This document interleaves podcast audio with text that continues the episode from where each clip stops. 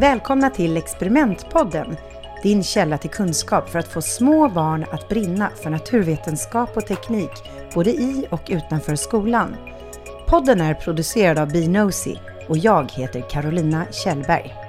I dagens avsnitt träffar jag Maria Serander, förskollärare och NTA-pedagog.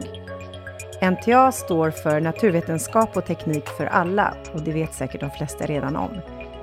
Maria arbetar på förskola där hon utvecklar enhetens NTA-arbete och även driver dess NTA-studio, där hon tar emot barngrupper och pedagoger. Maria utbildar andra pedagoger i NTAs teman för förskolan genom NTA Stockholm. I dagens intervju kommer Maria att prata om hur man genom vardagliga händelser kan utforska naturvetenskap med barnen i förskolan. Hon ger konkreta tips på spännande experiment och pratar om sitt arbete som NTA-pedagog. Hej Maria och välkommen till Experimentpodden. Hej och tack så mycket. Du har ju en enormt lång erfarenhet inom förskolan. Kan inte du berätta lite kort om din bakgrund? Jag är eh, utbildad förskollärare sedan början på 90-talet. Så jag har ju varit med ganska många förändringar och utvecklingar i förskolan. Mm. Idag så jobbar jag fortfarande som förskollärare och Eh, är även väldigt engagerad i eh, det här NTA skolutvecklingsprogrammet som är ett fortbildningsprogram för förskollärarpersonal. Jag är lite intresserad. Jag vet ju att du har ju hållit på med naturvetenskap länge också i, i förskolan men från början så gjorde du eh, mest experiment mm. när du höll på med de här områdena. Hur har liksom ditt sätt att arbeta med naturvetenskap och teknik utvecklat sig? Jag måste säga att det har utvecklat sig, eh, precis som du säger där, så började man ju väldigt mycket, kanske för tio år sedan, att använda experiment lite mer som happenings, eh, lösryckta happenings där syftet var att eh, få barnen att uppleva ett experiment och, och, man kanske ville påvisa någonting. Men att det här blev väldigt lösryckt ifrån barnens intresse och barnens eh, verkligheter.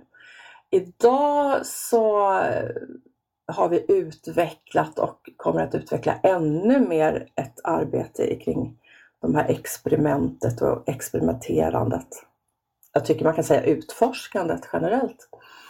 Mm. Så har vi, eller tänker vi mer och mer idag att det här är någonting som man ska ta utifrån där barnen befinner sig och i förskolan så handlar det väldigt mycket om att man tar det utifrån de eh, projekt som barnen kanske är inne i och mm. bena ner i mer detaljerat vad i de här projekten som de eh, är nyfikna på.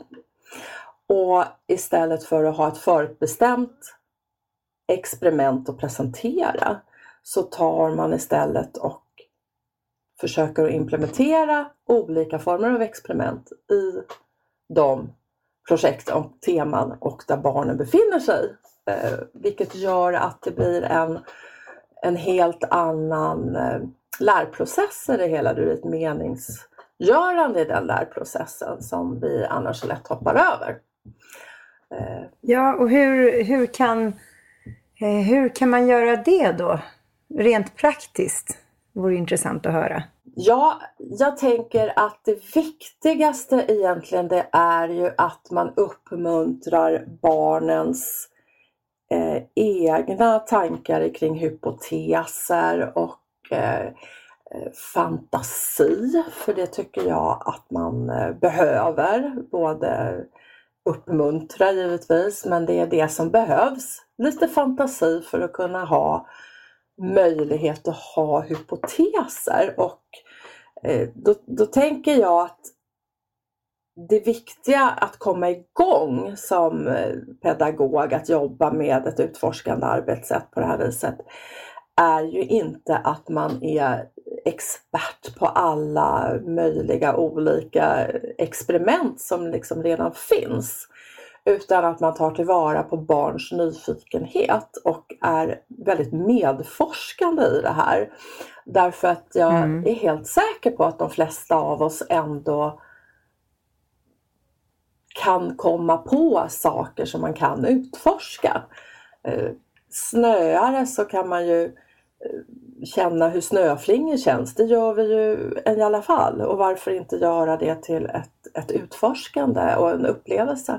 Och passa på att prata om de olika formerna, ja, fast och flytande absolut. vatten. Det, och då, då, har man ju verkligen kommit nära och så kan man stampa på den där isfläcken på, på marken som finns där och eh, jag tänker att väldigt mycket som vi gör i förskolan generellt eh, jag brukar väldigt ofta lyfta det här att man ska ha ett syfte med det man gör.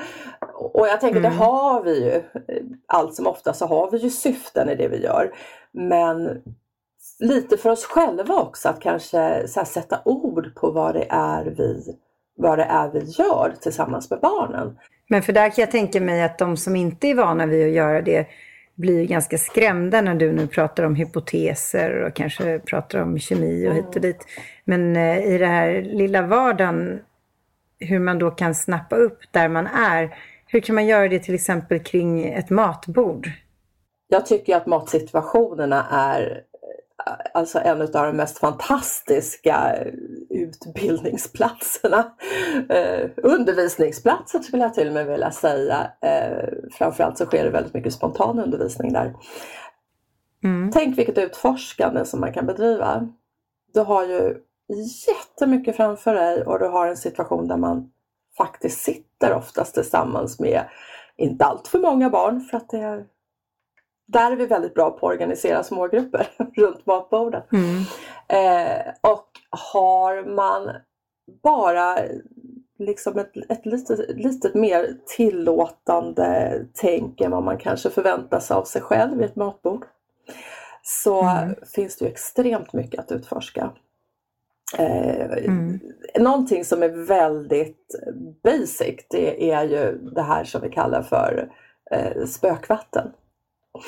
Ja, jag skulle just nämna det. Min dotter hon gör ju det var och varannan dag och tycker det är så roligt. Och det är ju väldigt lätt. Spökvatten det är ju när man på något vis eh, blandar vatten och mjölk. Eh, och så får man den här lite grumliga drycken av det hela.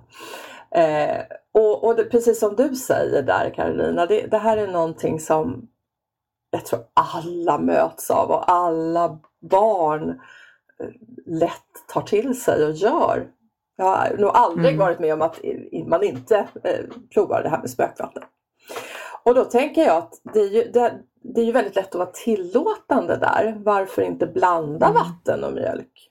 Oftast uppkommer ju det här när man har en liten skvätt mjölk kvar i ett glas och så häller man på vatten nästa gång. Då, och då kan det ju bli det här grumliga, så blir det spökvatten. Mm. Men om man där då börjar tänka hur kan vi jobba lite mer utforskande och riktat. Eh, jag brukar tänka så här, när blir spök vatten spök mjölk? Finns det liksom mm. grader av eh, mjölk och vattenblandningen? Eh, så det är ju någonting som man väldigt enkelt kan, kan samlas runt och, och fundera på. När blir spökvatten spökmjölk? Och mm det viktiga här är ju inte att vi pedagoger börjar prata i termer om eh, mättnader och, och vätskor på det viset utan bara tänka att fånga det här utforskandet. Eh, mm. Och att det, det, är så, det är så egentligen så väldigt lätt och så väldigt basic. Eh, vågar man dessutom kanske släppa ner en ärta i det här vattnet så kan man ju fundera på när ser vi inte ärtan längre? Om den finns där. Eh, och, och, då tänker jag att vi har kommit jättelångt i vårt bejakande utav hur vi kan jobba utforskande. På ett väldigt enkelt mm, sätt. Mm, verkligen. Det där rödbetsbadet, mm. vad händer om man stoppar det i spökmjölken? jag, skulle just, jag såg framför mig att det där var ett ganska elegant sätt att utforska fast den fortfarande har lite bordskick kring bordet. ja. Däremot så här, hälla potatismosen på bordet och blanda med ketchup. Nej, men man kan göra fåror i potatismoset och, och, och hälla ketchupen i fårorna till exempel. Eh, ja, men... Jag kan inte sätta något, något eh, liksom riktigt eh, vad ska man säga, vetenskapliga begrepp på just de här händelserna. Och jag tänker att det första jag hävdar alltid är att jag är jag är inte forskare, jag är inte vetenskapsman, jag är inte naturvetare, jag är pedagog. Och det mm. gör ju att min identitet i det här utforskandet är att jag behöver inte ha alla svar utan det är eh, utforskandet som får vara i centrum. Mm. Och det, där lägger ni grund för också mm. ett naturvetenskapligt tänkande hos barnen som är jätteviktigt. Och som de till stor del säkert redan har som små nyfikna individer. Absolut, absolut. Och när man pratar ibland om att eh, sånt här skulle inte gå att göra med de yngsta barnen. Och jag tänker absolut att man inte kan göra exakt likadant men det kan du ju inte göra. Eh, alltså kunskap och erfarenhet och utveckling sker ju hela skolåldern så att säga. Men eh, jag mm. tänker att eh, fortfarande att mötas som barn av, ett, av en tillåtelse av sitt utforskande. Att eh, det är roligt att plaska med vatten och, och, och titta när vatten rinner i kranen. Och du tvättar händerna. Vad, vad händer då? Kan man mm. bryta strålen? Kan man lysa med en ficklampa? Mm. Och där kommer vi in på de här temana som du eh, nu kan väldigt mycket om. NTA-teman. Vatten och, och luft. Vatten och luft, ja. Och, och det är ja. verkligen två utav eh, väldigt lättillgängliga, tänker jag, eh, teman. Och de hör ju väldigt mycket samman. Det är, det är nästan svårt att, att inte jobba med dem ihop. För de påverkar ju faktiskt varandra väldigt mycket. Eh, mm. Och jag, jag, brukar säga att jag är nog, eh, skojar och, och säger att jag är eh, expert på, på såpbubblor. det är, fakt ja, det är faktiskt bland det roligaste som finns. Men det är det och det finns enormt många varianter. Jag slutar aldrig att mm. förvånas. I förrgår ville min nioåriga son göra såpbubblor med min fyraåriga dotter. Och då gjorde vi någon, eh, något enkelt recept. Men sen så, så satte de en liten burk på en tallrik och så hällde de upp såpbubbelvätska i den. Och sen så tog de tre sugrör var i sina, så hade de respektive en sån här liten. Och började bubbla och skulle se vem som kunde göra störst, störst berg av mm, bubblor. Och det blev så stora berg så det var helt galet. Och de skrattade båda två så de höll på att vika sig mm. dubbelt. Det, Den hade jag aldrig gjort. Det är, det är, det är, ja, precis, det är väldigt enkelt och det är väldigt enkelt. Och, och för att återgå till det vi sa om att fånga det barn fascineras av. Då är mm. ju alltså såpbubblor är ju en väldigt eh, basic också eh, företeelse. Så det, det, är ju svårt att inte barn är fascinerade av såpbubblor. Och blåser man Nej. då dessutom såpbubblor och utvecklar det här så kan man ju ha det allt ifrån att i stort sett hälla diskmedel i en vattenpöl en regnig dag ute på gården. Ta mm. diverse verktyg. Diskborstar är fantastiska men eh, allt ifrån borstar och sopor och eh, så plaska runt i det här och senare blir mer bubblor och det blir stora bubblor och ibland blir det kompakta små bubblor som ett skum nästan. Och, eh, så det, och där kan man faktiskt fånga in ljus också.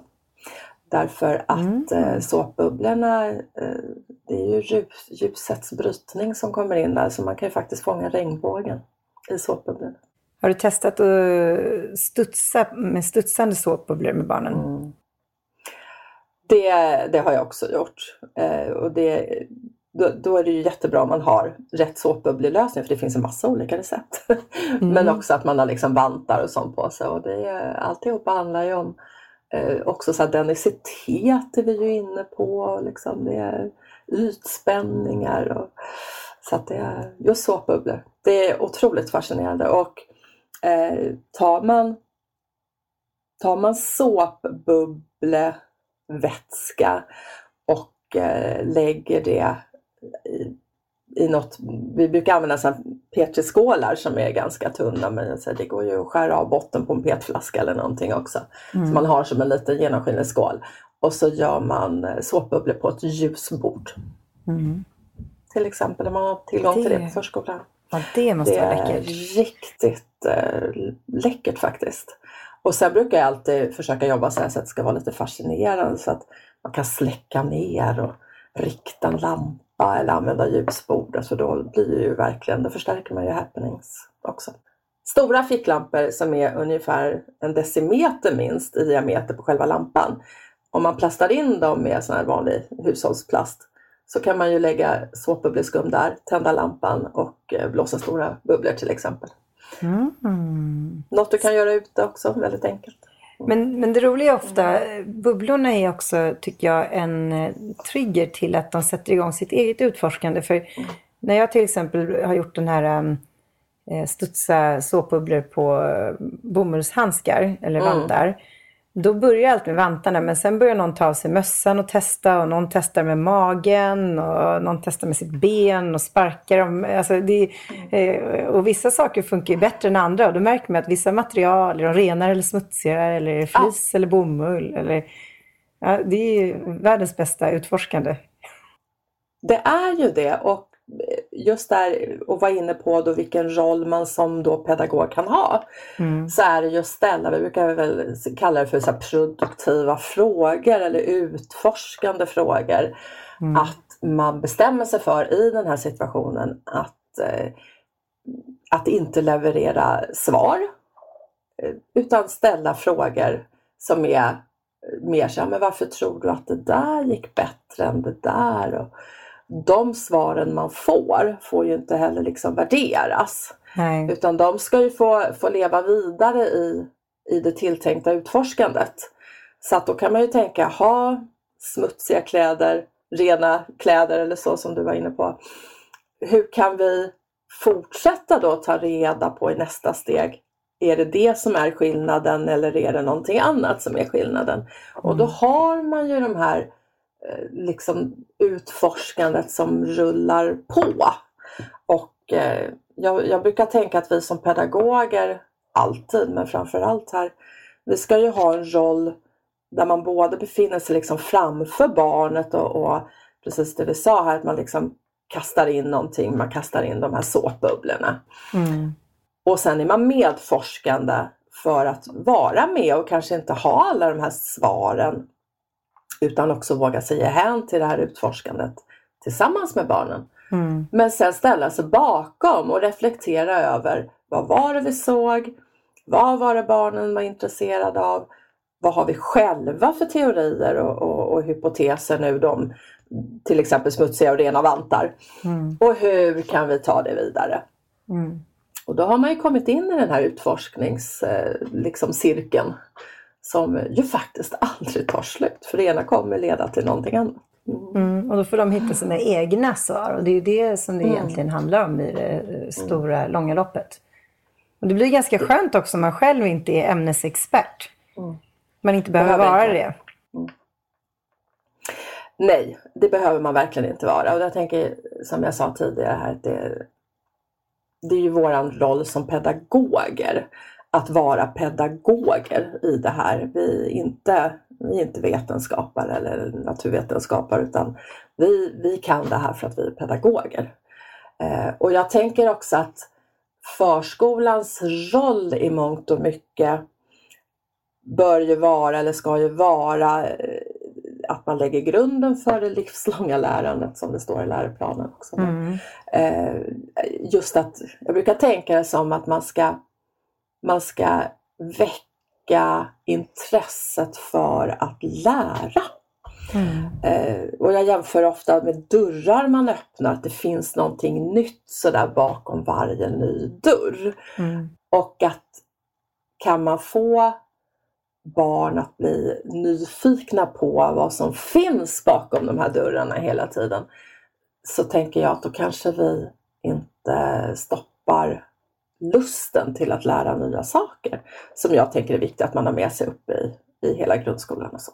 Mm. Ja, och just med naturvetenskap är det så viktigt att man inte säger att du har fel och så får de känna sig dåliga, utan att uppmuntra att fortsätta och mm. utforska.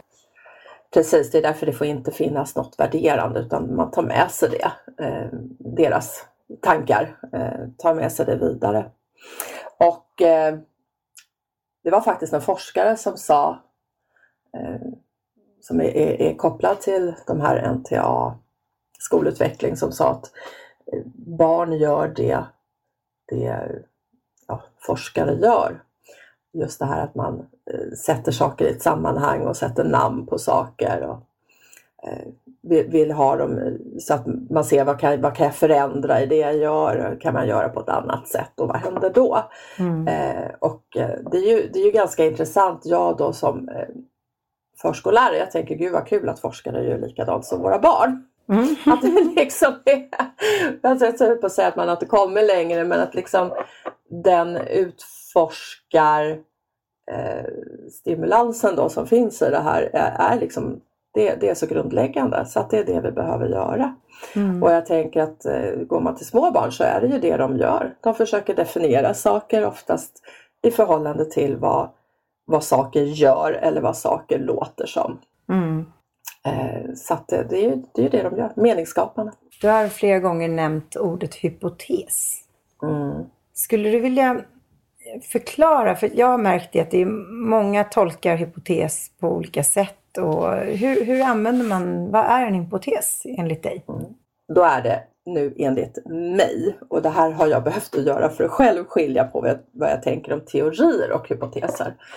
Och jag tänker att teorier, det är, det är liksom sånt som lite så redan finns.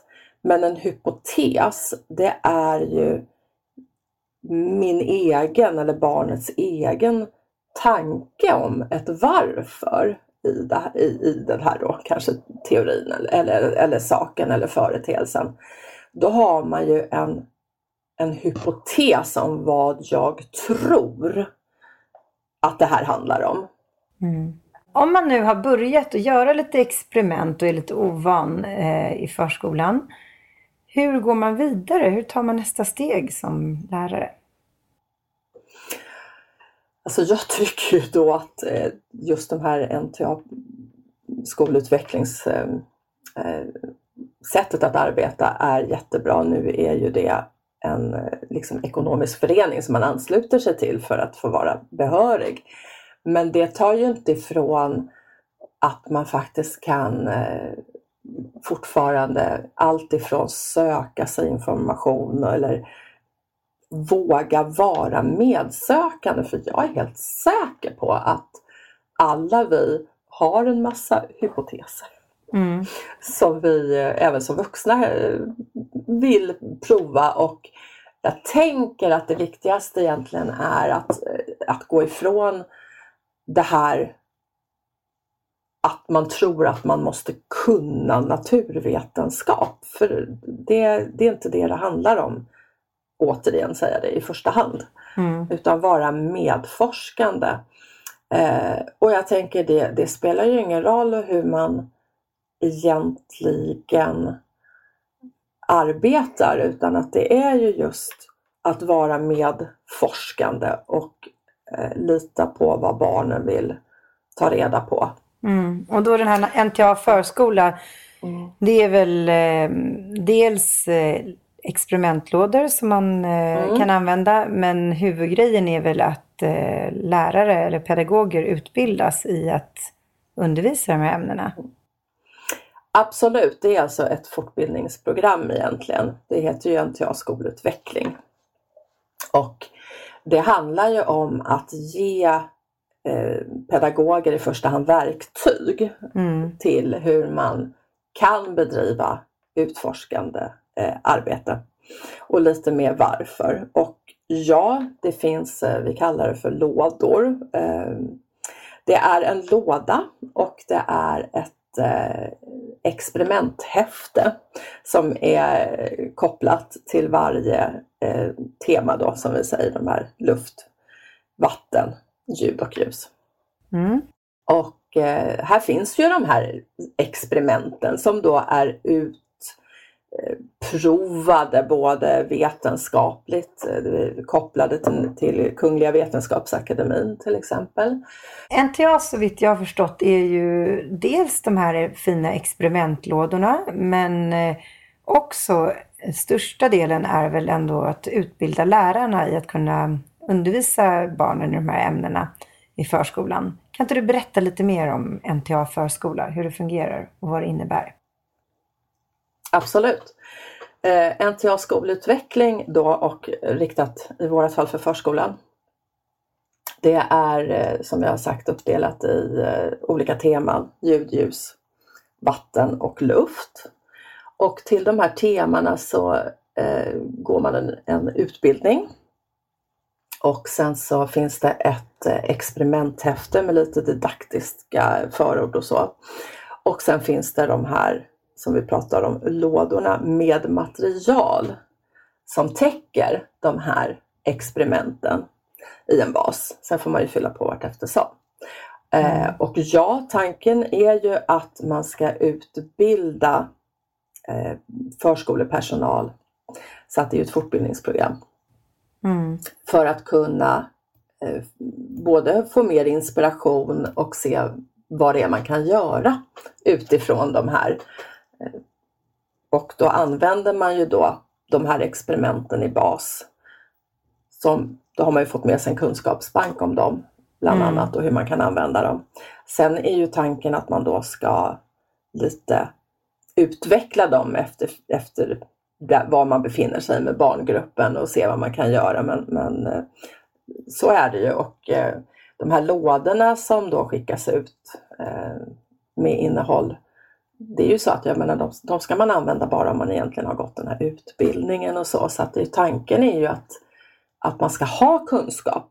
Sen kan man ju dela mm. med sig av kunskapen till övriga kollegor som kanske inte har gått då som vi säger i, i de här lådorna.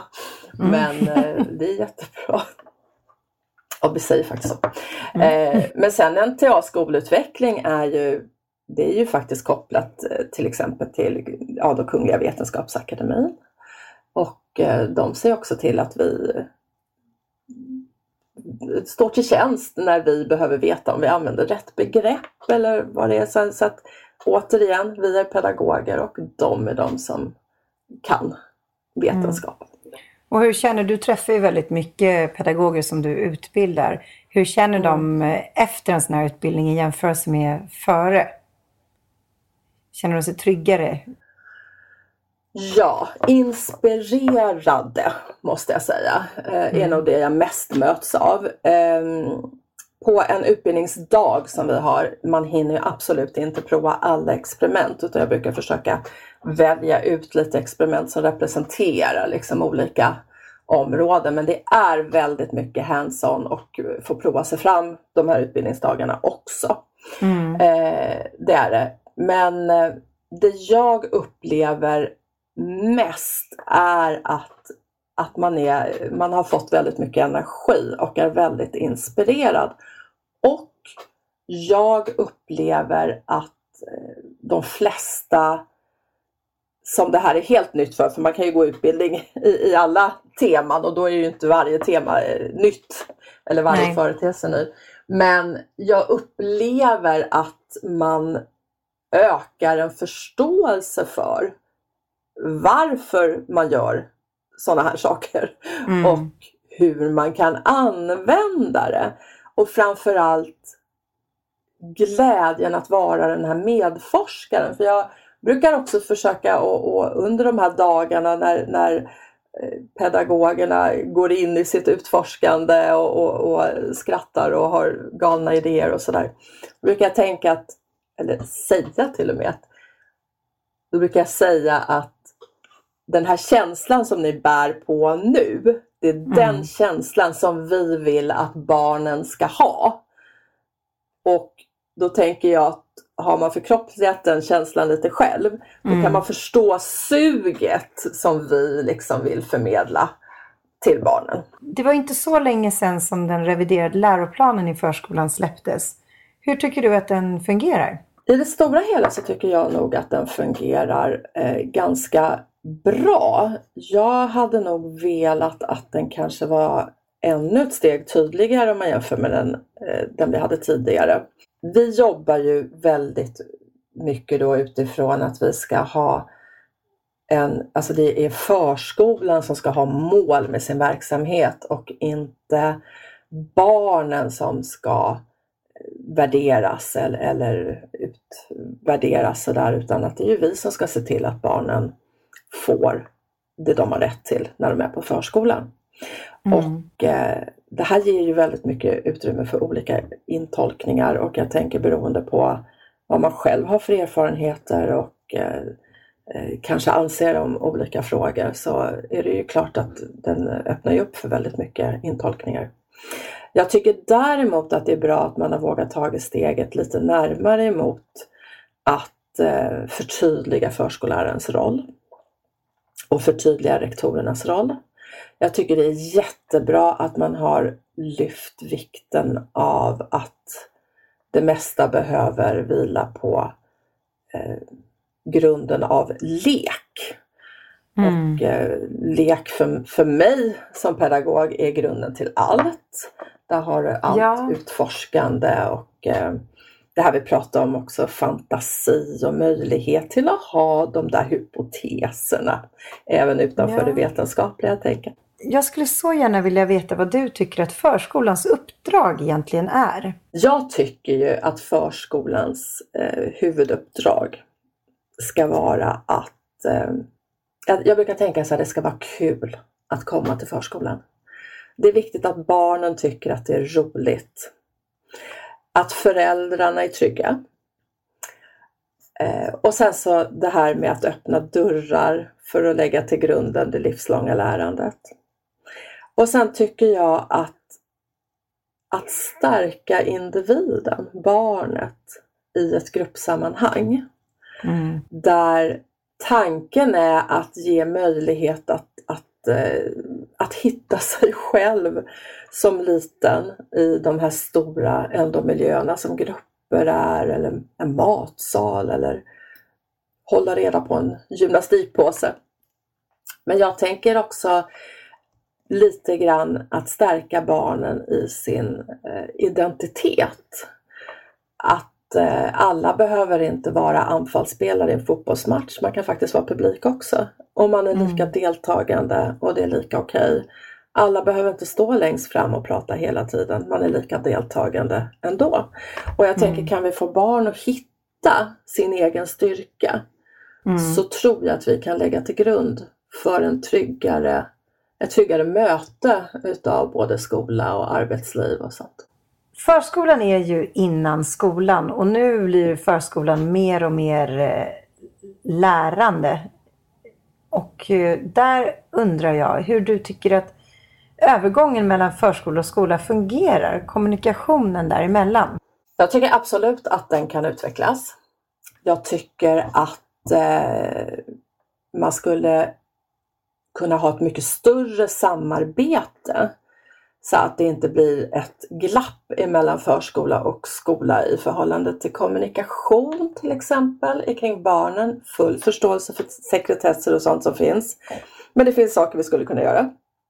Jag tänker också att man skulle ha en större röd tråd emellan förskola och skola för att eh, även om vi har eh, samma grund, vi har skollagen att luta oss emot och så. Men en, en större röd tråd för vad det är vi lägger grunden för till det som kommer att hända kanske framförallt eh, under lågstadiet och, och förskoleklasstiden. Så att man ändå kan se det som att det är något som ska byggas på och att det blir en följd. Eh, mm nu upplever jag att vi har en läroplan och den är uppbyggd på ett sätt. Helt okej. Okay. Men jag tänker att om vi visste mera och eh, kanske tog oss, tog till oss eh, och jag tänker framförallt lågstadiets eh, läroplan kanske, att man kunde då se vad det är vi ska göra, för ibland så uppfinner vi ju hjulet flera gånger.